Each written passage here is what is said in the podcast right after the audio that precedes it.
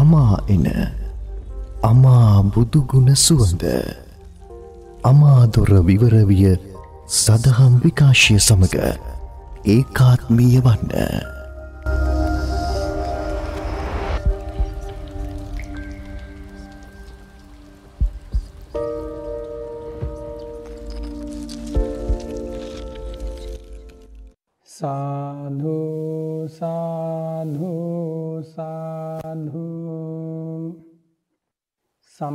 සමන්තා චක්කවාලේසු අත්ත්‍රාගච්හන්තු දේවතා සද්ධම්මං මුනිරාජස්ස සුනන්තු සග්ගමොක්හදම් ධම්මස්සවන කාලෝ අයං භදන්තා ධම්මස්සවන කාලෝ අයං භදන්තා. ධම්මස්සවන කාලෝ අයං භදන්තා. සුවිසුද්ධ සීලේසු සින්ධූපමස්ස. සමාධි ධම්මේසු පට්හවී සමස්ස අනන්තඥානේසු ගගනූපමස්ස නමාමි සිරසා සිරිගෝතමස්ස පිරිසිදු සිල්කන්ද සමුදුරසේමා නිසාල සමාධිය මිහිකත සේමා අනන්තඥානය අහසක් සේමා සිරිපා අභියස පිණිපාවේවා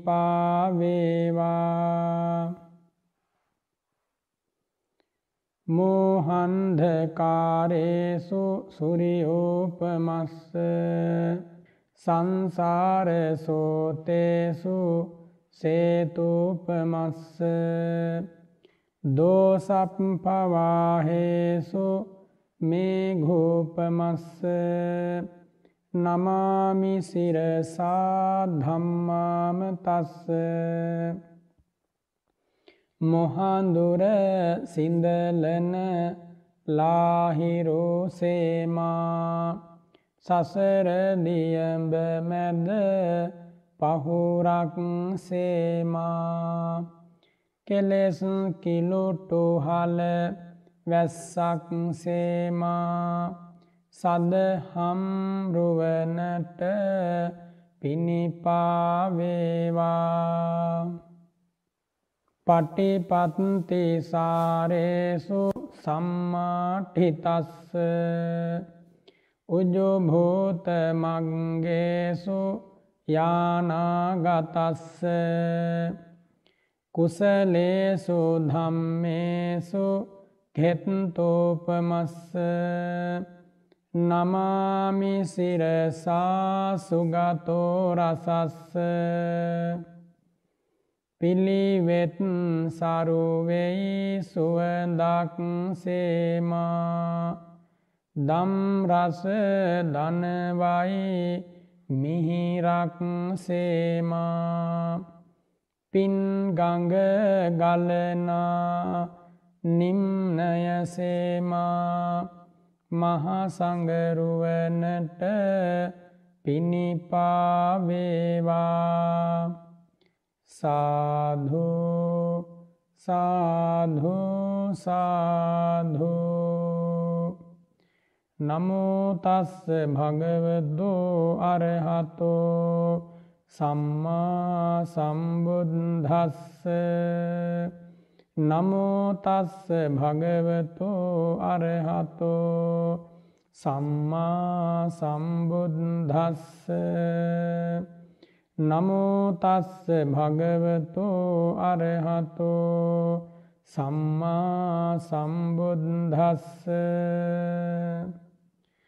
සද්ධාධනං සීලධනං හිරි ඔත්තප්පියං ධනං සුතධනංච චාගෝච පඤ්ඥාවේ සත්තමං ධනං යස්ස ඒතේ ධනාත්හේ ඉත්තියාපුරිසස්සවා සවේ මහත්ධනෝලෝකේ අජයෝ දේවමානුසේ තස්මා සද්ධංච සීලංච පසාදං ධම්ම දස්සනං අනුයුන්ජේත මේධාවී සරංබුද්ධාන ශාසනංති අද මේ උතුම් ධර්ම දේශනාව සඳහා අපට ආරාධනා කළේ කැනඩාවේ පදිංචි යසස් දිසානායක මැතිනිය ජගත් දිසානායක මැතිතුමා කියන දෙපළ උතුම් ධර්මාවබෝධය පිණිස මේ උතුම් ධර්මශ්‍රවණය දේශනාව හේතුවේවා කියන බලාපොරොත්තුවෙනුයි ඒ පින්වත් පිරිස මේ ධර්ම දේශනාව සිද්ධ කරවා ගන්නේ. අපි ආශිර්වාද කරනවා මේ ඇසෙන බණපදය. ඔබ දෙපලටත් අසන සියලු දෙනාටත් උතුම් ධර්මාවබෝධය පිණිස සැනසීම පිණිස වේවා කියල ප්‍රාර්ථනා කරමින් අපි මේ බණපදය ශ්‍රවණය කරමු. බුදුරජාණන් වහන්සේගේ නික්ලේසී හදවතින් මතු වෙලා මහනෙල්මල් සුවඳ විහිදෙන සිරි මුවමඩලින් සුදෝ සුදු බුදුරැස් ධාරාව ඇතිව මිනිසුන්ගේ දෙවියන්ගේ සවන් සනහාලමින් ඇසුන මිහිරි බණපදයක් අසන්නටයි ඔබ සූදානම් වෙන්නේ. බුදුරජාණන් වහන්සේ තමයි අපි හැම දෙනාගෙම අසම සම ශාස්තෘූන් වහන්සේ. බුදුගුණය පමණයි අපි හැම දෙනාටම ඇති එකම පිහිට එකම පිළිසරණ. බුදුරජාණන් වහන්සේ නැති ලෝකය හිරු මඩල උදා නොවූ ගනාන්ධකාරයෙන් යුක්ත ලෝකයක්. බුදුරජාණන් වහන්සේගෙන් ලැබෙන ආලෝකය ප්‍රඥා ආලෝකය සදහම් ආලෝකය හිරුමඩල දාහාකින් නමුදු සඳ මඩල දාහාකින් නමුදු අපට ලැබෙන්නේ නෑ. කාට කොයිදේ ලෝකෙ තිබුණත් බුදුරජාණන් වහන්සේ නම් වූ අමිල්ල සම්පත නොමැති කල්හි ඔවුන් සැබවින්ම දුප්පතුන් කියලයි දේශනා කරන්නේ. මොනමා නොතිබුණත් කාසිනෝට්ටු වශයෙන් හෝවේවා යමෙකුට බුදුරජාණන් වහන්සේ නම් වූ අමිල්ල සම්පත අමිල්ල නිධානය හිමි වෙලා තියෙනව නම් ඔහු මේ ලෝකයේ ඉන්න අසහාය ධනවතෙක් යංකින්චිවිත්තං ඉදවා හුරංවා සංගේ සුවායං රතනං පනීතං. නනෝ සමං අත්හි තතාගතේන. ඉදම්පි බුද්ධේ රතනං පනීතං.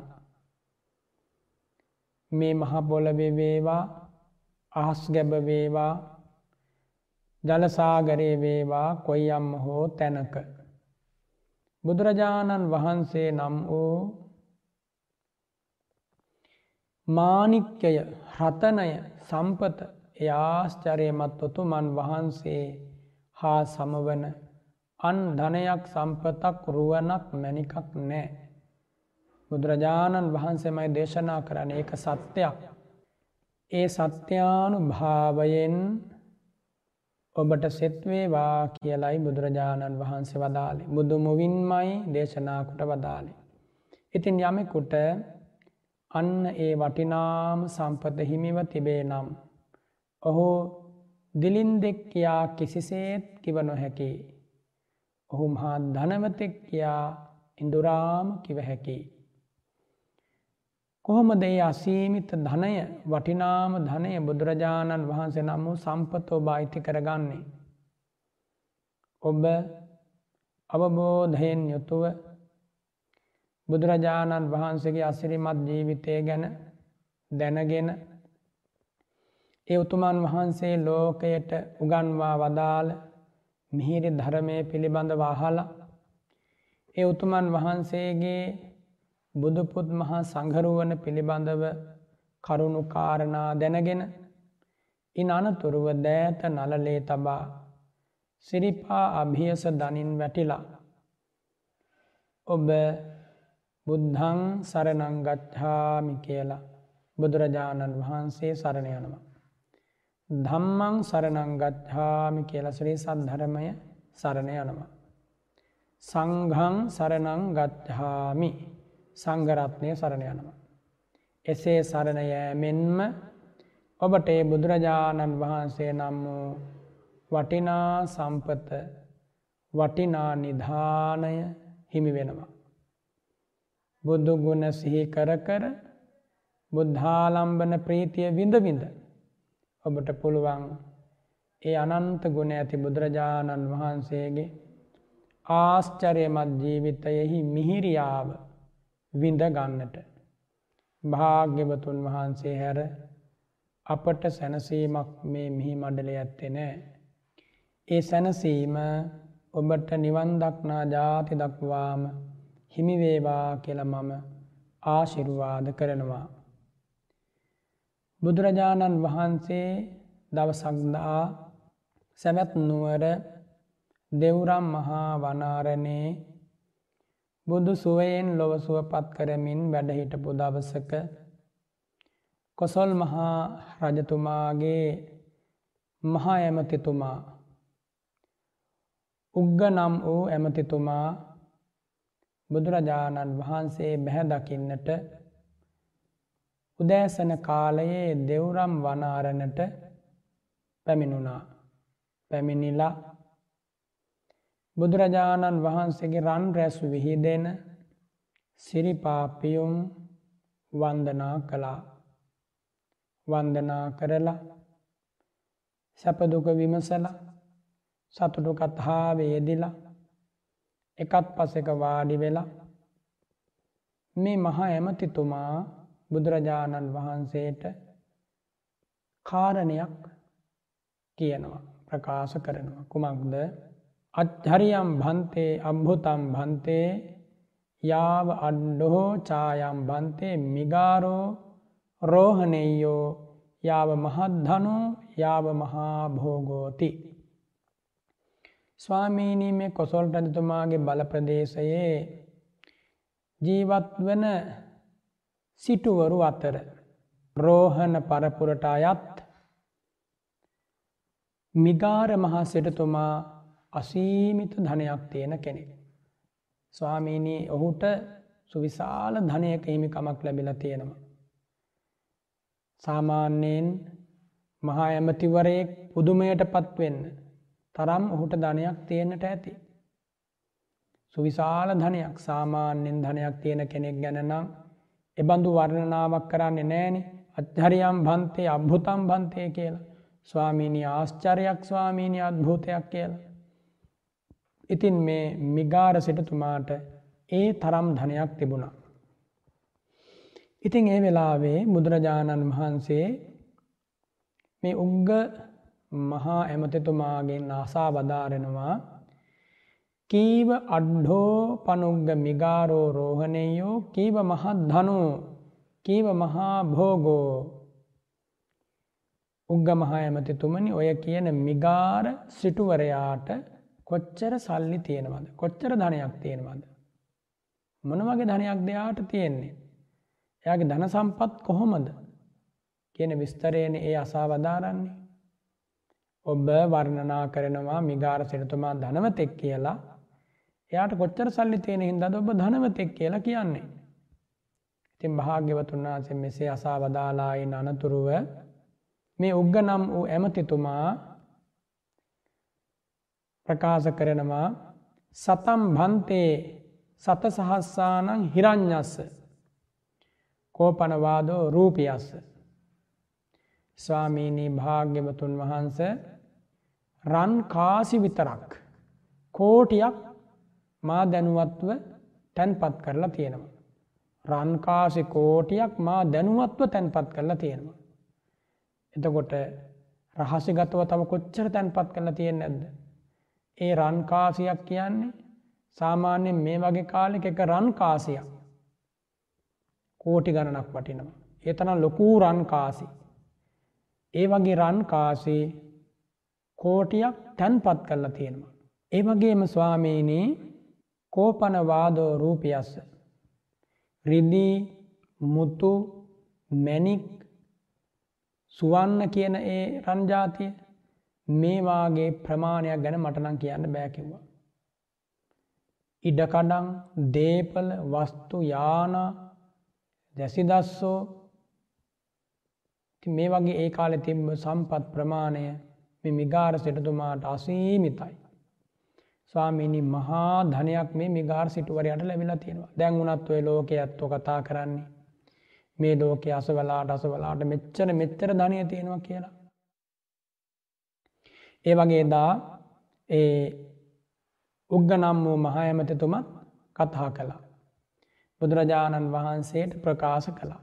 ඉතින් භාග්‍යවතුන් වහන්සේ ඇසුවේ කොහොමදේ ධනයේ ප්‍රමාණය කියලානේ ඉතින් පිළිතුර ලබා දුන්නේ ස්වාමීණී මා දැනුවත්ව රන්කාසි විතරක් කෝටියක් නිදන් ගත කරලා තියෙන අනිත් එව ගැන ස්වාමීණී මට වචන කියන්නට බෑ මම හරි හැටි දන්නේ නෑ කියනකනේ කියවුණේ.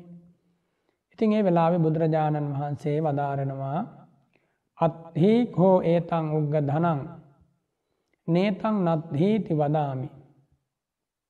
මහා ඇමතිතුමනි ඔබ ඔය කියපෝ ක්‍රන්කාසි මුතුමිනි මැනික් මේවා ගැන මේ පිළිබඳව මේවා ධනයක්ය කියලා මම නෑ කියන්නේ නෑ.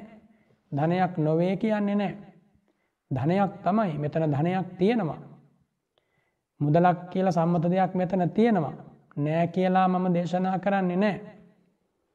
තංචකෝ ඒතං උග්ග ධනං සාධාරණං අග්ගිනා උදකේන රාජෝහි චෝරෙහි අපියෙහි දායාදෙහි. ඒ වනත්තේ ධනය ඔය කියපු කාසිනෝට්ටු මිනිමුතු ධනය අග්ගිනා ගින්නෙන් විනාස වෙන්න පුළුවන්. ගින්නට අහු වෙලා පිච්චිලා යන්න පුළුවන්.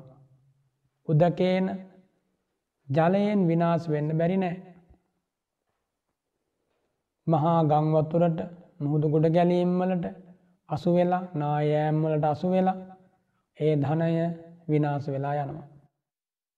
රාජූහි චෝරයෙහි රජවරු විසින් රාජ සන්තක කරනවා. එහෙම අවස්ථා තියෙනවන ලෝකෙ රාජ සන්තක කරන අවස්ථා ධනය ඉතින් එසේ සතම ඔහුට අහිමි වෙනවා. ඒ වගේම ඒ ධනය චෝරයෙහි සොරුන්ට ගන්නට පුළුවන්. අපියෙහි දායාදේහි අපි අකමැති අය ඒ ධනය අයිති කරගන්නට පුළුවන්. වෙන යම් ක්‍රමවලිනුත් ඔය ධනය නැතිවෙන්නට පුළුවන්. බලන්න බුදුරජාණන් වහන්සේ මිලමුදල් කාසිනෝට්ටු ගැන දැකවදාලා කාරය. බුදුරජාණන් වහන්සේ අනතුරු වදාරණ මේ මහා ඇමතිවරයාට සත්තක හෝ ඉමානි උග්ග ධනානි මහා ඇමතිතුමනි මේ ධනයන් හතක් තියෙනවා. අසාධාරණානි අග්ගිනා උදකේන රාජෝහි චෝරයෙහි අපියෙහිවා දායාදේහි කතමානි සත්ත. ඒ ධනය රජවරුන්ට බලයෙන් පැහැරගන්න බෑ. හොරුන්ට ගන්න බෑ. ගින්නෙන් විනාස කරන්නත් බෑ. ජලයෙන් විනාස වෙන්නෙත් නෑ. අපි අකමැති අයේ ධනය අයිති කරගන්නෙත් අන්නේ බන්ධු කිසිවෙකුටත් විනාස කළ නොහැකි ධනයන් හතක් තියෙනවා. ඒ ධනයන් හත ගැනයි අද මේ උතුම් ධර්ම දේශනාවේදී කියා දෙන්නට බලාපොරොත්තු වන්නේ.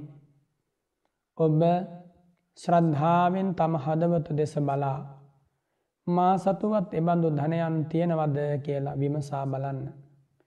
සෙසු කාසි නෝට්ටු අන්හෑම ධනයක්ම වහ වහා විනාස වෙනවා.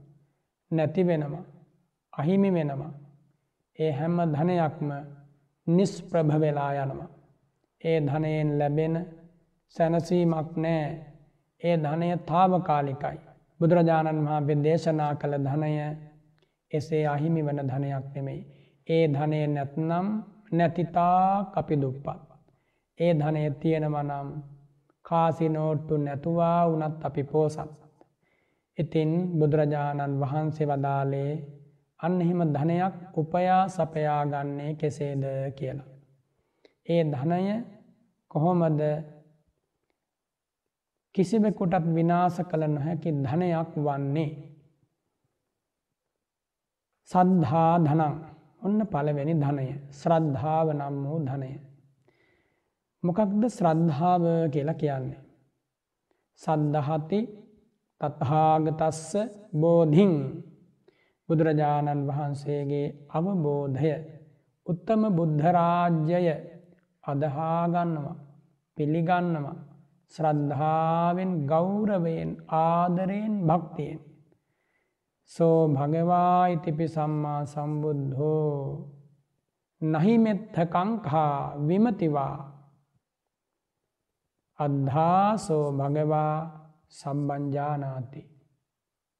අද්ධාසෝ භගවා සම්බම් පටිවිද්ධි. අද්ධාසෝ භගවා සම්බේන සම්බන් සම්බාකාරයෙන් පටිබුද්ධි. අද්ධාසෝ භගවා අනන්ත ඥානේන සබ්බං සංකතං අසංකතං ඥාත පරිඤ්ඥාය තේරණ පරිඤ්ඥාය පහන පරිඤ්ඥාය පටිවිද්ධී ආනෙම හිතනවා. ඒ කාන්තයෙන්නේ බුදුරජාණන් වහන්සේ සියල්ලෙන් සියල් අවබෝධ කළා. එහිලා මට සැකයක් නෑ. එහිලා මට විමතියක් නෑ.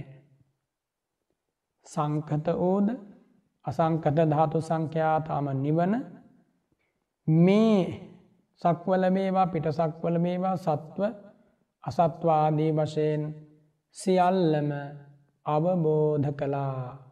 කවුද අවබෝධ කළේ? භාග්‍යවත් වූ අරහත් වූ බුදුරජාණන් වහන්සේ.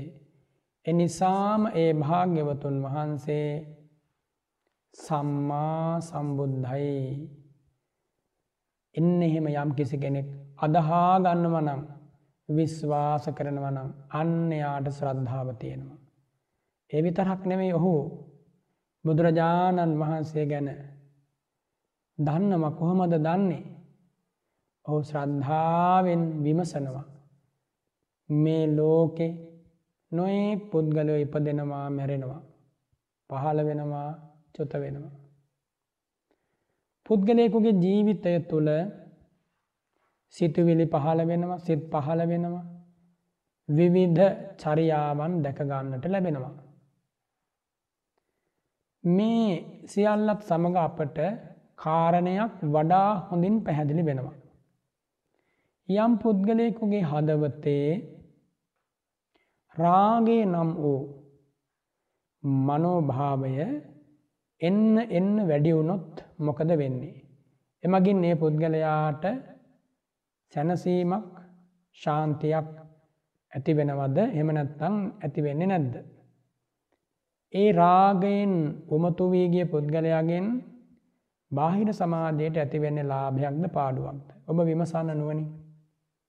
යම් කිසි කෙනෙක් රාගයෙන් අන්ධ වුණොත් රාගයෙන් මුසපත් වුණොත් ඔහුට ඉන්න තැන පේනවද.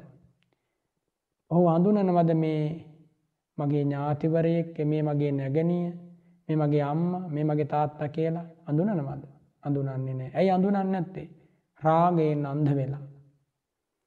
ඒවගේම යම් කිසි කෙනෙක් ව්‍යාපාදයෙන් දවේශයෙන් පටිගයෙන් ක්‍රෝධයෙන් කියන මෙන්න මේ වෛරී ස්වභාවයෙන් අන්ද වුණොත් ඒ ස්වභාවය යමෙකුගේ ජීවිතය වැඩිනම් එයා එන්න එන්න නපුරු වෙනවා. ඒ දවේශය අඩුවෙන් අඩුවෙන්න නිවිච්ච කෙනෙක් වෙනවා ශාන්ත වෙච්ච කෙනෙක් වෙනවා. එහෙනම් යමෙකුගේ ජීවිතයේ මේ දවේශය ව්‍යාපාදය බහුලනං ඔහු විශ්වාස කරන්න පුළුවන්ද. ඔහු විශ්වාස කරන්නට බෑ.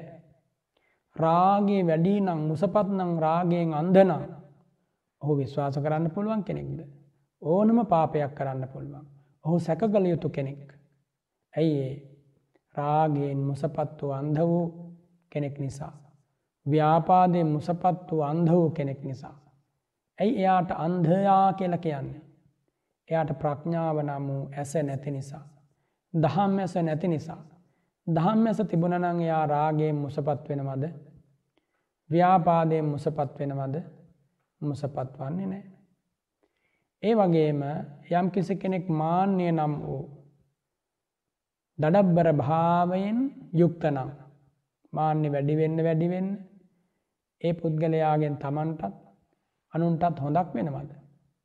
ඒවාගේම යමකුගේ ජීවිතයේ මිත්‍යා දෘෂ්ටිය අපේ සිතුවිලි වැඩිවෙන්න වැඩිවෙන්න හොඳක්ද වෙන්න නරකක්ද නරකක්මයි වෙන්නේ.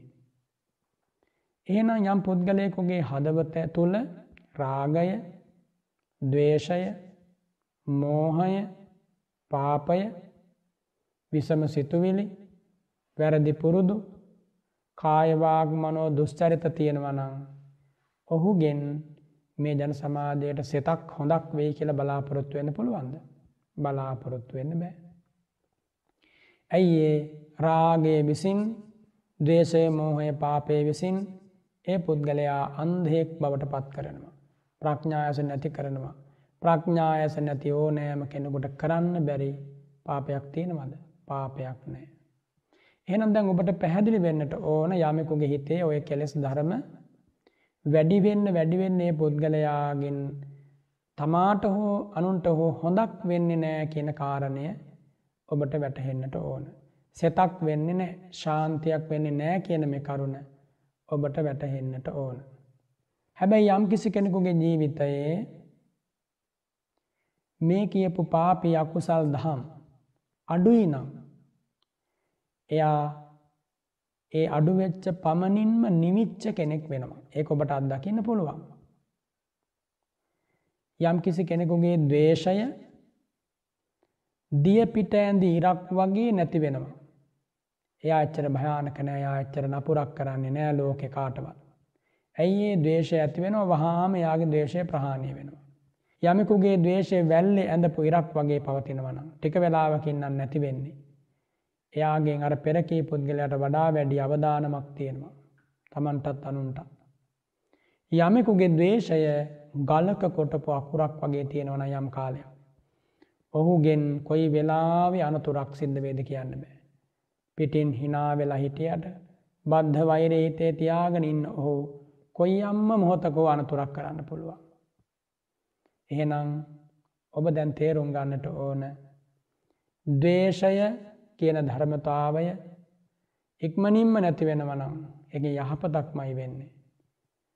එක වෙලාවකින් හෝ නැතිවනම් එහෙත් යහපතක් වෙනවා. ගලේ කෙටු අකුරක් වගේ තියෙනවනම් මොන්න තරම් විපතක් තමන්ටත් අනුන්ටත් ඇතිවෙයිද කියලා ඔබ දැන් හිතන්න. එතකොට යම් කිසි කෙනෙකුගේ ජීවිතයේ.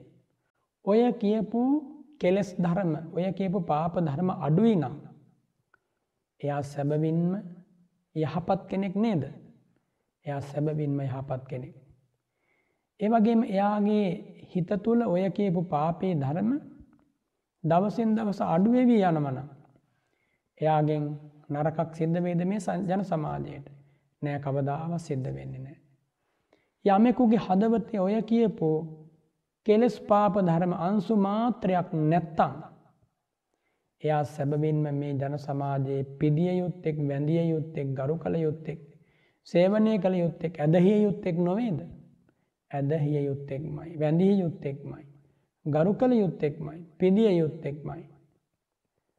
ඒ භාග්‍යවත් වූ අරහත් වූ ධර්මරාජ වූ අනධීවර වූ අපගේ බුදුරජාණන් වහන්සේ ඔය කියපු පාප ධර්මයන් අන්සු මාත්‍රයක්වත් තබාගත්තේ නෑ හදවතේ. ඒ සියල්ල බුද්ධගයා පින්බිමේදි බුද්ධරාජ්‍යයට පත්වීමත් සමඟ ප්‍රහාණය වුණා නැති වුණා. ඒ හදවත විරාගි හදවතක්මයි කියලා යම් කෙනෙක් අදහා ගන්නව නං. කරුණු සලකා නුවනින් යුතුව පිළිගන්නවනං අන්න යාට ශ්‍රද්ධාව නම් වූ ධනය තියෙනවා. එයයි ශ්‍රද්ධහා ධනය කියල කියන්නේ. ඒ වගේම බුදුරජාණන් වහන්සේගේ සෙසු අනන්ත ගුණයන් ගැන. මෙනෙහි කරලා කරුණු දැනගෙන විමසා බලා ඉන්න අනතුරුව බුදුරජාණන් වහන්සේ ගැන අසීමිත භක්ති ආදර ගෞරවයක්. හදවතේ පහල කර ගැනීමෙන් මේ ශ්‍රද්ධාව දෙවුණු වෙනවා. එනිසා බුදුරජාණන් වහන්සේ වදාරෙනවා ඒ ශ්‍රද්ධා ධනය යමකොට තියෙනවනං. එයා ඒ කාන්තයෙන්ම මේ මහා පොළවේ ජීවත් වන ධනවතෙක් කියලා දැන් ඔබ බලන්න ඔබට ඒ ධනය ඔබේ හදවතේ තියෙනවද. බුදු ගුණ ගැන අවබෝධයෙන් බුදුරජාණන් වහන්සේ ඔබ සරණ ගිහිල්ලද ඉන්නේ. දම් ගුණ ගැන අවබෝධයෙන් ධර්මය සරණ ගිහිල්ලද ඉන්නේ. සඟරුවන ගැන අවබෝධයෙන් සංගරත්නය සරණ ගිහිල්ලද ඉන්න ඔබ දැන් නුවනින් විමසන්න. විමසනකොට ඔබේ හදවතය ඔබට පේනවනම්. අනේ මට ඒ භාග්‍යවතුන් වහන්සේ ගැන. උතුර උතුරා මතු වෙන සද්ධාව ආදරයක් ගෞරවයක් සෙනෙහසක් ප්‍රේමයක් මා හදවතය තියෙනවා. නත්ති මේ සරණං අඥම් මට වෙන සරණක් නෑ. බුද්ධෝ මේ සරණං වරම් එකම සරණ බුදුරජාණන් වහන්සේ පමණයි. ඒ බුදුරජාණන් වහන්සේගේ සරණින් මා ජීවිතය සුවපත් වේවා නිවන් මඟ ගමන් කරන්නට ලැබේවා. අන්න එහෙම යම් කිස කෙනෙක් කල්පනා කරනවනම් හිතනවනන් නුවනින් සම්මර්ශනය කරනවනම්. එයාට ශ්‍රද්ධාව කියන ධනය තියෙනු. ඒ ධනය එන්න එන්නම වඩන්න පුළුවන්. ඒ ධනය දියුණු කරන්නට පුළුවන්. ඒ ධනය දවසින් දවස වඩන්න වඩන්න එයා ධනවතෙක් වෙනවා. එනිසා ඔබ සතුටු වෙන්න මා හදවතේ ශ්‍රද්ධාව නම් වූ ධනය සුරක්ෂිතව පවතිනවා කියලා.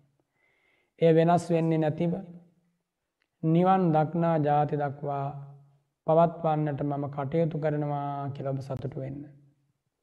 ඉතින් මෙන්න මේ ධනය අර කාසි නෝට්ටු මිලමුදල් වගේ නෙමෙයි.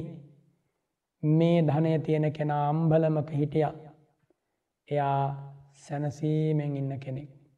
දිනන කෙනෙක් කුමක්ද දිනන්නේ. සංසාර ගමන දිනනවා. කෙලෙස් සටන දිනනවා. මේ අවබෝධය නැත්තම් මේ ශ්‍රද්ධාව තියෙන කෙනා ඒ කාන්ත වශයෙන්ම මහාජයග්‍රාහකයෙක් ධනවතෙක් අනුමෝදම් විය යුතු කෙනෙක් සත්ව වර්ගයාට පිහිටක් සලසන කෙනෙක්. එසේ නම් ඔබ ශ්‍රද්ධාව නම් වූ ධනය ඔබ හදවතය ඇති කරගන්න. ශ්‍රද්ධා ධනයෙන් ඔබ ධනවතෙක් වෙන්න. ඊළඟට සීල ධනය දෙවන ධනය දෙවන සම්පත සීලය නම් වූ ධන සම්පත. ඒ වටිනාකම මෙතෙකැයි කියන්න බෑ.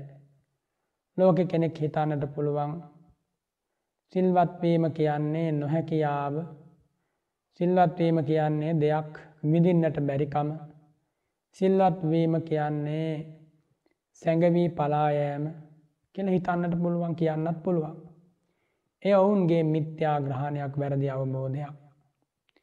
සීලය කියන්නේ කිසිවක් කර කියා ගත නොහැකි උදවයගේ තේරීමක් නෙමෙයි සියල්ල අත්හල සියලු හැකියාවන්ගෙන් පරප්‍රාප්ත වූ උතුමන්ගේ තේරීමක්. එනිසා මේ සීලය හැමෝටම ආරක්ෂා කරන්නත් බෑ.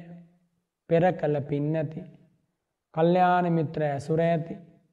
සංසාරය බය දක්නා ඉපිද ඉපිද මැරිමැරී යන භව ගමනේ ඇති බිහිසුණු බව දක්නා කෙනෙකුට පමණයි සීල ධනය ඇති කරගන්න ලැබෙන්නේ. එසේ නම් මේ සීල ධනය යම්කිසි කෙනෙක් ඇතිකරගෙන සිටී නම් ඔහු දුගියෙක් වේවා මගියෙක් වේවා වෙනයම් යාචකයෙක් වේවා කුලහීනයෙක් වේවා කුලීනයෙක් වේවා ධනවතෙක් වේවා දිලින්දෙක් වේවා කවුරුන් හෝ වේවා ඔහු අයිතිවන්නේ ධනවතුන්ගේ සමාගමට. ඔහු අයිතිවන්නේ ධනවත් පුද්ගලයන්ගේ එකතුවට. හැබැයි මේ ලෝකෙ මහා මන්දිරවල කල්ගෙවන තමාවත් නොදන්නා තරමින් මහා ධන සම්පත්තිමි පුද්ගලයෝ ඉන්නවා. ඔවුන්ගේ ධනය තිබුණට ඔවුන් මෙලොවින් පරලොවට යන දාට ඒ ධනය ඔවුන්ට පිහිටක් වෙන්නේ නෑ. ඇයි ඒ ඔවුන්ගේ මිත්‍යා අදහස් නිසා මරණින් මත්තේ නිරාගාමි වෙනවා. මේ කියන ධනය යමකුට තියෙනවනං එයා මරණින් මත්තේ දුගතියේ වැටෙන්නේ නෑ. අපි යම් ධනයක් උපයාගත යුත්තේ මෙලොවටත් පරලොවටත් එකසේම ප්‍රයෝජනමත් වන ආකාරය. මෙලොවටත් පරලොවටත් සැනසීමට හේතුවන විදිහටයි ධනය හොයන්නට ඕන නැත්තං මෙලොවටත් පරලොවටත් පරිහානියට හේතුවන විදියට හම්බ කරලා තියාගත්තට පලක් නෑ කොයි වෙලාවේ ඒවාහිමි වේද කියන්න බෑ. මැරෙන වෙලාව ගැන නියතියක් නැති අපට. මැරෙන දවස ගැන අවුරුද්ධ ගැන පූර්ව අවබෝධයක් නැති අපට. කොතනක හෝ කොයියම් වෙලාවක හෝ කුමක් හෝ ක්‍රමයකින් මැරෙන්න නියමිත අපට මේ උතුම් දහම් අනුශාසනාව හැරවෙන පිළිසරණක් තිබේද. මේ උතුම් වැඩපිළිවෙල්ලට පිටුපා කොයින් නම් වෙන සැනසීමක් ලබන්නද. තින නිසා සීලය කියන ධනය හැම දෙනාගේ හදවත් හි ඇති කරගන්නට ඕන. ඊළඟ ධනය කුමක්ද. හිරි දනං හිරිය කියන කුමකටද පවට ලැජ්ජාවීම එටගෙනවා හිරිය කියලා. ඇයි එය ධනයක් වන්නේ. පවට ලැජ්ජාවෙච්ච පුද්ගලයා පව්කම් කරන්නේ නෑ. පවට ලැජ්ජාවෙච්ච පුද්ගලයා පව්කම් කරන්න නැත්නම් එයාට පව්පිරෙන්නේ නෑ. පව්පිරිච්ච නැති කෙනෙක් ජීවිතය පිනෙන් පුරවාගත්තොත්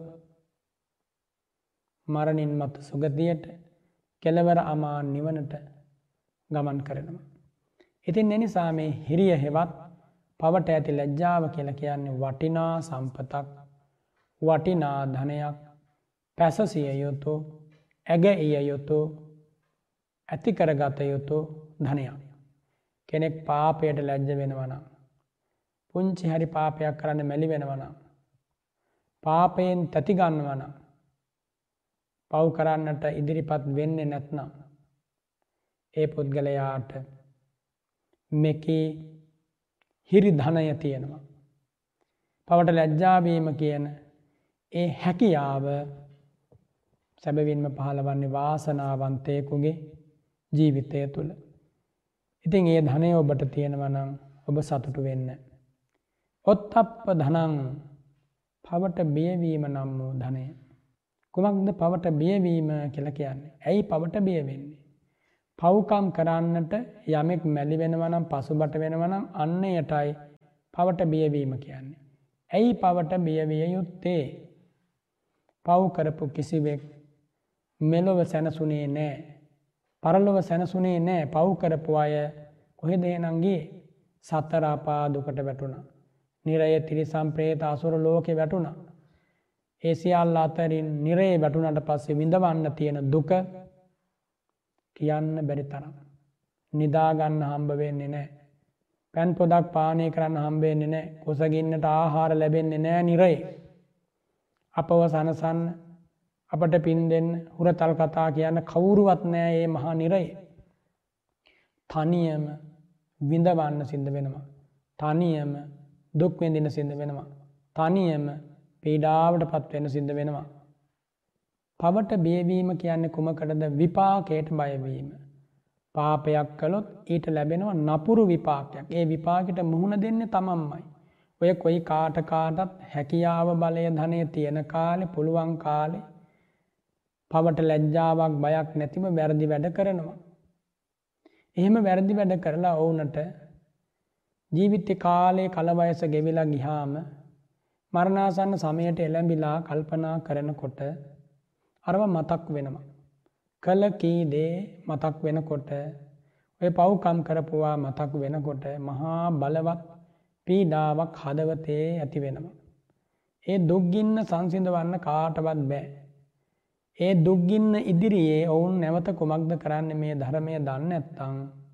ඔවුන් කරන්නේ නැවතත් පව්කම් කරන අර පාපයෙන් එන පීඩාව නැති කරගන්න.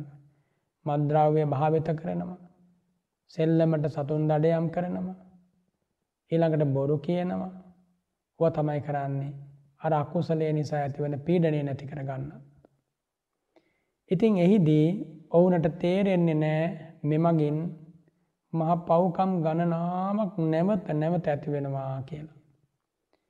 බුදුරජාණන් වහන්සේ වදාරනවා එනිසා පාපයට භයක් ඇති කරගන්න ඒ භය කියන්නේ සැබවින්ම ධනයක්.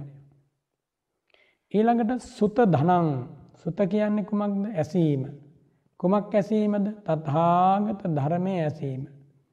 එතකොට යමෙකුට තත්හාගත ධර්මය ඇසීම නම් වූ ධනය තිබේ නම් ඔහු ඒකාන්තයෙන්ම ධනය හිමි කෙනෙක් මයි. ඇයි එහෙම වන්නේ. බුදුරජාණන් වහන්සේගේ බණ නාසා වෙන මොනම ඇහුවත් ජීවිතාවබෝධයක් ඇති වෙනවද. නෑ. රාගදේශ කෙලෙස්මල දුරු වෙනවද නෑ. බුදු බණන් හැරවෙන මොනවා ඇව්වත් කංවලින් ඇතිවන්නේම සිත්වල අකුසල් චේතනා. එක්කො රාගය එක්කො දවේශය ඒ දෙකත් සමගම මෝහය. ඔව තමයි ඇතිවෙන්නේ මේ දහම දන්න ඇති කෙනෙකුට. මේ ධර්මය ශ්‍රද්ධාවෙන් ගරු කරමින් අහනවනං අන්න එහෙම කෙනෙකුට කවදාකවත්. සුත ධනය නැතිවන්නේ නෑ ධර්මඥානය නැතිවන්නේ නෑ. ධර්මඥානය තියෙන පුද්ගලයා සැබවින්ම වාසනාවන්තයෙක්. ධර්මඥානය හිමි පුද්ගලයා සැබවින්ම බැඳිය යුත්තෙක් පිදිය යුත්තෙක් ගරු කළ යුත්තෙක් ඇයිඒ ඒ ධර්මයෙන් ඔහු තමා සුවපත් කරගෙන ලෝ සතුන් සුවපත් කරන නිසා. ඊළඟට බුදුරජාණන් වහන්සේ වදාරණුව ඒ බණපදය දන්නා බව චතුරාරි සත්‍යය දන්නා බව. නිවන් මග සීල සමාධි ප්‍රඥා පිළිවෙත හඳුනන බව. බෝධිපාක්ෂක ධර්මාදි හේතුඵල විෂය දන්නා බව. මේ ඉගෙන ගෙන තිබීම සැබවින්ම එයාට මහධනයක් රැකගත යුතු ධනයක්. ලෝකෙ වෙනස් නොයෙක් ශිල්ප ශාස්ත්‍ර තියෙනවා. භාසාඥාන ගනිතඥාන විද්‍යාඥාන කියන ඒවා කලාඥාන කියන ඒවා. මෙම තියෙනවා ලෝකෙ. මේවා දැනගත්තා කියලා ඒවායෙන් පරලොවට වන සෙතක් නෑ. ඒව කල්පනා කරන්න කරන්න මෙනෙහි කරන්න කරන්න අවිද්‍යාවයි බලවත් වෙන්නේ. ප්‍රඥාවයි නැති වෙන්නේ. ධර්ම මාර්ගයනු ඒ පුද්ගලය ඇතට යන්නේ. ඉතින් එනිසා ධනය යමකුගේ වේ නම් එයා මෙලොව සුවපත් වූ කෙනෙක් පරලොව සුවපත් වූ කෙනෙක් මහා ධනවතෙක්. එනිසා පුළුවන් තරම් මේ ධර්මය අසන්න මේමා නොතේරෙන මනන් නැවත නැවත ලියාගෙන හෝ විමසන්න කල්පනාවෙන් එක දේශනාවක් දෙතුන් වතාවක් හරි කමක් නෑ හලයේ ධර්ම කරුණු ටික සටහන් කරගෙන එම හොඳට හිතට ගන්න. ඒක ඔබ ඔබේ හදවතේ අමිල නිධානයක් තැන්පත් කර ගැනීමක් වගේ ඊළඟට භාග්‍යතුන් වහන්සේ වදාරන ඡාග ධනං ත්‍යාගය නම් වූ ධනය. ඡාගය කියන්නේ කුමක්ද? අතහැරීමනේ දන් දීම. ඒ අතහැරීම, ඒ දන් දීම ලෝකෙ හැමෝටම කරන්න බෑ. දන් දෙන්න පුළුවන් වෙන්නේ පොහොසත් හදවතක් තියෙන කෙනෙකුට. තමා සතු ධනය සංඝරත්නය වෙනුවෙන් වේවා. දුගී මකී යාචකාදීන් වෙනුවෙන් වේවා. අතහරින්නට පුළුවන් කියලා කියන්නේ ඒ පුද්ගලයා සැබවින්ම වැඩූ හදවතක් ඇති. සසර ගමනේ බෝසත් ගමනක් වැඩි උතුමන් වහන්සේ කෙනෙක්. එහිදි අපි සලකා බලන්නට ඕන දන් දෙන ඇත්තෝ කොහොමද දන් දෙන්නේ. සමහර කෙනෙකුට ආහාර පාන දන් දෙන්න පුළුවන් හැබැයි වස්ත්‍රාභරණ දන් දෙන්නට අවස්ථාවක් ලැබුණොත් දෙන්නේ නෑ. සමාර කෙනෙකුට වස්ථාබරණ වනත් දෙන්නට පුළුවන් හැබැයි ගේ දොර දන් දෙන්න අවස්ථාවක් ආවොත් ඒක කරන්න බෑ. සමාර කෙනෙකුට වස්ත්‍රාභරණාදී දේවල් දන් දෙන්නට පුළුවන් හැබැයි තමා සතු යානවාහන දන් දෙන්න කිවොත් ඒක කරන්න සූදානම් නෑ. එබගේම සමහර කෙනෙක් ඔය ඔක්කොමත් දන් දේවී ඉඩ කඩන් දන් දේවී හැමදේම දන් දේවී. හැබැයි තමන්ගේ දරුවන් දන් දෙන්න කිවොත් කැමති වෙන්නේ නෑ. ඒවගේම දරුවන් දන්දීලා තමන්ගේ භාරියාව දන් දෙන්න කිවොත් කැමති වෙයිද කලාතුරකින්වත් කෙනෙක් කැමති වෙන්නේ නෑ. ඒ ඔක්කොමත් දන්දුන්නා කියල හිතමු. ජීවිතය තමන්ගේ ජීවිතය ඉහළ පහල යන හුස්මරැල්ල නිසා පවතින ශරීරයේ රතුවර්ණ රක්තවර්ණ රුහිර ධාරා ලේ ධාරාවන්ගෙන් මට පිපාස නිවාගන්න ඕනි කළ යම කිල්ලුවොත්. ඒ විදිහට ඒ ඉල්ලී මිෂ්ට කරන්න පුළුවන් කෙනෙක් මේ ලෝක ඉන්නවනම්. ඔහු සැබවින්ම කවර කෙනෙක්ද කෙබඳු කෙනෙක්ද මහා බෝසතාණන් වහන්සේ නම. එතනින් මෙහා කෙනෙකුට ඒ දේ කරන්නට බෑ. ඉතින් එනිසා මේ දන්දීම අතහැරීම ධනයක් වෙන්නේ තමන්ගේ ශක්ති පමණින් දන් දෙන්නට ඕනි ඒ කියන්නේ. දිලින් දෙෙක් දෙන විදියට ධනමතෙක් දන් දෙනවනං එයා දාන දාසයෙක්. හැබැයි දිලින් දෙෙක් දෙන දිහා බලලා ඊට වඩා වැඩියෙන් තමන්ට හොඳට කරන්න පුළන් උපරිමයකින් කරන මනං අන්න එයා නියමාකාරයෙන් දන් දෙන කෙනෙක්. ඉතින් එනිසා ඒ භාග්‍යවත්ව අරහත්වෝ බුදුරජාණන් වහන්සේ මේ දන්දීම අපිට ධනයක් කියලයි දේශනා කළේ.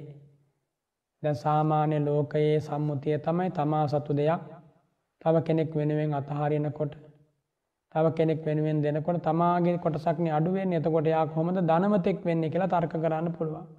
හැබැයි භාග්‍යවතුන් වහන්සේ වදාරන මේ චාගය මේ අතහැරීම නැවත නැවත ප්‍රගුණ වුණොත් එයාට ඒ අත්හැරීම නිසා භවබෝග සම්පත් යසේසුරු හැමදේම ජාති ජාතිත අඩුවක් වෙන්න දන්දීපු කෙනට ලැබෙනවා. ඒ වගේම එයාට ඒ දානය මුල් කරගෙන ආයුෂ දීර්ඝ වෙනවා. දානය මුල් කරගෙන ආබාධ අඩු වෙනවා. මෙලොවට විතරක් නෙමෙයි පරලොවට පවයි නිසා චාග ධනය සැබවින්න පැසසිය යුතු අග්‍ර වූ ධනයක් කියලයි බුදුරජාණන් වහන්සේ වදාළ දන්දීම ධනයක් කරගන්න. ඒක ඔබට කරන්න පුළුවන් ඔබ පින් ඇති කෙනෙක්. අද ඔබට යම් කාසියක් නෝටුවක් හිමිවත් බේ නම්. කුමක් නිසාද හිමි වුණේ පෙර දෑතින් ඔබේ දන්දුන්න. පෙර ශ්‍රද්ධාවෙන් ඔබ දන්දුන්න. පෙර ඔබ ශ්‍රද්ධාවෙන් සිව් පසේ පූජා කලා සංඝරත්නය වෙත. එපින් බලයෙන් මයි ඔය ඔබට මේ ජීවිතයේ ධනය ඔය හැම දේම ඔබට ලැබිල තියෙන. ඊළඟට පඤ්ඥා ධනං ඊළඟ ධනය තමයි ප්‍රඥාව නම් වූ ධනය. කුමක්ද ප්‍රඥාව නම් වූ ධනය කියල කියන්නේ. ඒ වගේම කුමක්ද ප්‍රඥාව කියල කියන්නේ. ප්‍රඥාව කියල කියන්නේ චතුරාරි සත්‍යය පිළිබඳව අවබෝධඥානයට නුවනට නම. කුමක්ද චතුරාරි සත්‍යය කියන්නේ. දුක්හාරි සත්‍යය දුක්හ සමුදයාරි සත්‍යය දුක්හ නිරෝධාරි සත්‍යය දුක්ක නිරෝධගාමිනී ප්‍රතිපදාරය සත්‍ය කියන මේ හතරට කියනවා. චතුරාරි සත්‍යය කියන. හොඳින් ශ්‍රවණය කොට නුවනින් විමසා. ප්‍රායෝගික ලෙස අවබෝධ වන විදියට පිළිවෙත් පුරණ වනං ඒ සඳහා තම හිතේ ඇති ස්වභාවයට කියනවා කුමක්ද ප්‍රඥාව කියලා. එය ධනයක් ඇයි එය ධනයක් වන්නේ ප්‍රඥාව තිබේ නම් සෙසු කුසල් දහම් මතු වෙනවා බලවත් වෙනවා සෙසු කුසල් දහම් ප්‍රඥාව තියෙන කෙනාට තමයි ඇති වෙන්නේ. ප්‍රඥාව තියෙන කෙනාට ඥාන සම්ප්‍රයුක්තුවත්‍රී හේතුකව. ඒ කුසලය සිද්ධ කර ගැනීමේ ඉෂ්ට කර ගැනීමේ හැකියාව තියෙනවා. එනිසා ප්‍රඥාව ධනයක් වෙනවා තමන්ටත් අනුන්ටත් සැනසීම ගෙන දෙන නිසා. බුදුරජාණන් වහන්සේ ඒ මහා ඇමතිවරයාට වදාලා ඇමතිවරය ශ්‍රද්ධාවයි සීලයයි හිරියයි ඔත්තප්පයයි ශෘතයයි ත්‍යයාගය ප්‍රඥාවයි කියන ඉමානික හෝග්ග සත්ත ධනානි උග්ග මේ සත් ධනයන් මේ ධනයන් හත අසාධාරණානි අගිනා ගින්නෙන් විනාස වෙලා යන්නේ නෑ පිච්චිලා යන්නේ නෑ. මේ ධනයන් උද කියන ජලයේ ගහගෙන යන්නේ නෑ. රාජෝහි මේ ධනයන් රජබරුන්ට හොරෙන් ගන්න බෑ මේ ධනයන් සොරෙකුට හොරෙන් ගන්න බෑ. කිසිවෙකොටත් හොරකං කරන්න බැරි නිසා මේ ධනය වටිනාකම මෙතකැයි කියන්න බෑ. ඔබ සතුරන්ටිදී මසුකාවුණු මේ ජීවිතය අවසන් වෙන කොට අහිමි වෙනවා. අතහැර දාල යන්න වෙනවා. හැබැයි මේ ධනය තිබේ නම්. ඒ ධනය ඔබ පිටු පසින් පැමිණ ඔබට සෙත සලසා ඔබට ශාන්තිය උදා කර දෙමින්. ඔබ සතුටු කරනවා. එනිසා කළ පින් ඇත්තෝ සුවපත් වෙනවා කියන්න ඒ කාරණය. සද්ධා ධනන් සීල ධනං හිරියොත් අප්පියන් ධනං සුත ධනංච චාගෝචය පඤ්ඥාවේ සත්තමන් ධනං. ශ්‍රද්ධා සීල හිරි ඔත්තප්ප කියන මේ ධනයන් වගේම සුතතියාග ප්‍රඥා කියන මේ ධනයන්. යස්ස ඒතේ අත්හි යස ඒතේ ධනාති යමකුටේ ධනය තිබේ නම්. තියාපුරි සස්සවා ගෑනියකුට හෝ පිරිමියකුටේ ධනය තිබේ නම්. සවේ මහත්ධනෝ ලෝකයේ අජයෝ දේවමානුසයාට කියනවා මහා ධනමතෙක් කියලා. දිවි මිනිස් ලෝකයා පරාජය කරන්න කාටවත් බෑයාගේ දෙහොරකං කරන්න කාටවත් බෑ. තස්මා සද්ධජ සීලංචේ බැවින් ශ්‍රද්ධාව සීලය ප්‍රඥාව ධම්ම දස්සනං තථාගත ධර්මය දැකීම අනුයුංජේත මේ ධාවී ඒ කාරණාවන්හි යෙදෙන්න බුද්ධානන් ශාසනන් සරං බුදුරජාණන් වහන්සේගේ අනුශාසනාව සිහිපත් කරමින් මේ උතුම් ගුණ ධර්ම දියුණු කරන්න කියලා බුදු සිරිමෝ මල්ලින් දේශනා කළා. ඉතින් මෙන්න මේ ධර්ම පරයාය තමයි උග්ග සූත්‍රය කියල දේශනා කරන්න. ඒ තුළින් උගන්වා වදාරන්නේ කුමක්ද මේ සැබෑ ධනය සහ නොසැබෑ ධනය කියන්නේ කුමක්ද කියලා. එදා උග්ග මහා ඇමතිතුමා මිගාර සිටතුමාගේ ධනය ගැන වර්ණනා කළා ඒ අසා සිටි බුදුරජාණන් වහන්සේ හුට කොච්චර ධනයක් තියෙනවද කියලා අසාවදාලා උග ඇමතිතුමා ප්‍රකාශ කළ අසවල් අසවල් ප්‍රමාණය ධනයක් කියලා. ඉන් අනතුරුව බුදුරජාණන් වහන්සේ වදාලා ඔය දේවල් එච්චර වටිනා ධනයන් නෙමේ මෙන්න නියම ධනයකුමක්ද සද්ධහා සීල හිරි ඔත්තප්ප සුත චාග පඤ්ඥා කෙන මෙන්න මේ සප්ත විද ධනය. මේ ධනය කෙසේ හෝ ඔබහදවතේ ඇති කරගන්න ඇති කරගෙන මේ ධනයෙන් ඔබ සුවපත්වෙන්න මැරෙන්න්න මොහොතකටෝ කලින් මම ධනවතෙක් කියලා මැරෙන්න්න බලාපොරොත්තු වෙනවනං රන්කාසිවලින් රන් නෝට්ටුවලින් වැඩක් නෑ. ගේ දොර යානවහන ඉඩකඩම් ගෙන යන්නේ නෑ. හරි හම්බ කරපු කිසි දෙයක් රැගෙන පොදි ගහගෙන යන්නට බෑ. තැන්පත් ඉතුරු කරපු කිවි දෙයක් හිමි වන්නේ නෑ. ඔබ ඔබේ හදවතේ පීටුවාගත් ශ්‍රද්ධාව නම් වූ ධනය සීල සිරියොත් අප සුතජාග පඤ්ඥා කියන ධනය පමණයි ඔබට ගෙන යන්න ලැබෙන්නේ. ඉතින් එනිසා අප්‍රමාදී වෙන්න. අප්‍රමාදීව මේ ධනයන් සම්පූර්ණය කරන්න සම්පාධනය කරන්න. මේ ධනයන්ගෙන් හිත පුරවාගෙන ජීවත් වෙන්න. ඔබ හැම දෙනාටම වාසනාව ලැබේවා කියල මම ආශිර්වාද කරනවා. අද මේ උතුම් ධර්ම දේශනාව සඳහා අපට ආරාධනා කළේ කැනඩාවේ පදිංචි ඒ පින්වත් යසස් දිසානායක මැතිනිය ජගත් දිසානායක මැතිතුමා කියනේ දෙපළ බෝම ශ්‍රද්ධාවෙන් ශ්‍රද්ධා ධනය සීල ධනය හිරියොත් අප සුතචාග පඤ්ඥා කියන මේ සප්තවිද ධනයන් තම තම හදවත්වල පිහිටුවාගෙන සිටින දෙපලක් ඉතින්නේ දෙපළ බලාපොරොත්තු වෙනවා. මේ උතුම් ධර්මාවබෝධය පිණිසම මේ සප්ත ආර්ය ධනයන් අප හදවත්හි පිහිටුවා ගැනීමත් මේ සප්ත ආර්ය ධනයන් පිළිබඳව ධර්මය කියාදීම නම් වූ දානයත් හේතුවේවා කියලා මීට වසරකට පෙර මිය පරලොවගේ කුසුම් නවගම්මුව මෑණියන්ට එවගේම යසභතී මැනිකේ සමරකෝන් මෑණියන්ට පින් අනුමෝදං කරන්න බලාපොරොත්තු වෙනවා වගේම මිය පරල වගේ සියලු ඥාතියව් මෙපින් දකිත්වා කියලා එය දෙපළ ප්‍රාර්ථනා කරමිනුයි මේ ධර්මදානය ලබා දුන්නේ. ඉතින් අපිත් ආශිර්වාද කරනවා මේ උතුම් ධර්මදානමය දේශනාමය ශ්‍රවණමය පින ඒ දිසානායක මහත්මාට සහ මහත්මියට උතුම් ධර්මාව බෝධය පිණිසත් සිතූ පැතුම් ඉටු කර ගැනීම පිණිසත් උපකාර වේවා කියල අපි ආශිර්වාද කරනවා. නම් සඳහන් කළ නොකළ සියලු ඥාතිහු මෙපින් අනුමෝදම් වෙත්වා සියලු දෙවියෝ මේ පින් දැක බලා අනුමෝදම් වෙත්වා. ඉදංවෝ ඥාති නංහෝතු සුකිතා හොන්තු ඥාතයෝ ඉදංවෝ ඥාති නංහෝතු සුකිතා හොන්තු ඥාතයෝ. ඉදංවෝ ඥාති නංහෝතු සුක්හිතා හොන්තු ඥාතයෝ. එත්තාවතාච අම්මෙහි සම්භතම් පුුණ්්‍ය සම්පදං. සබ්බේ දේවා අනුමෝදන්තු සබ්බ සම්පත්ති සිද්ධියා. සබ්බේ භූතා අනුමෝදන්තු සබ්බ සම්පත්ති සිද්ධියා. සබ්බේ සත්තා අනුමෝදන්තු. සබ්බ සම්පත්ති සිද්ධියා. ආකාසට්හාච බුම්මට්හා දේවානාගා මහිද්දිකා පුඤ්ඥන්තං අනුමෝදිත්වා. චිරංරක්හන්තු සම්බුද්ධ ශාසනං. චිරංරක්හන්තු සම්බුද්ධ දේශනං.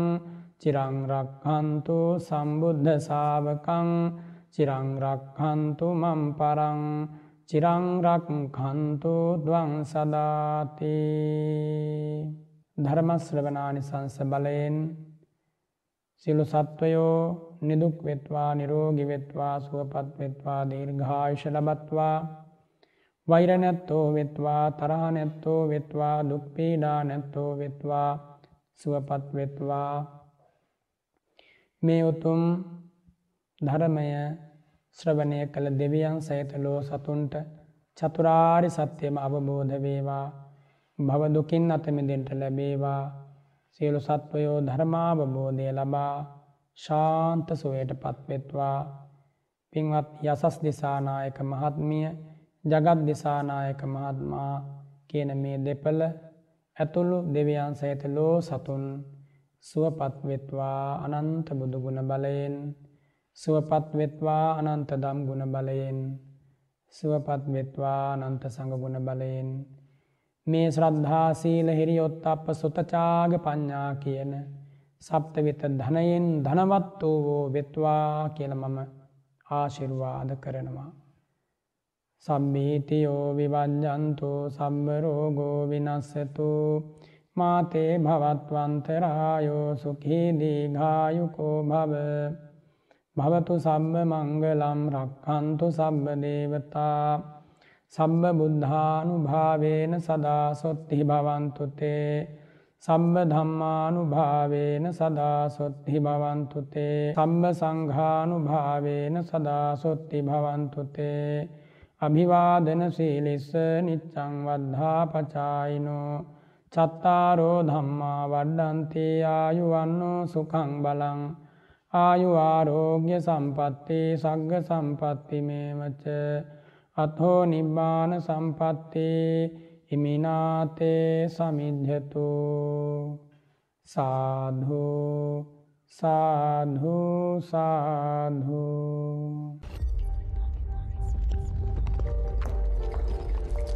උතුම් සදහම් දේශනා ශ්‍රවණය කිරීමට අමාදොර විවරවිය ෆේස්බුක් පිටුව හා YouTube නාලිකාවට පිවිසන්න. ධර්මශ්‍රවණය කළ ඔබ සියලු දෙනාට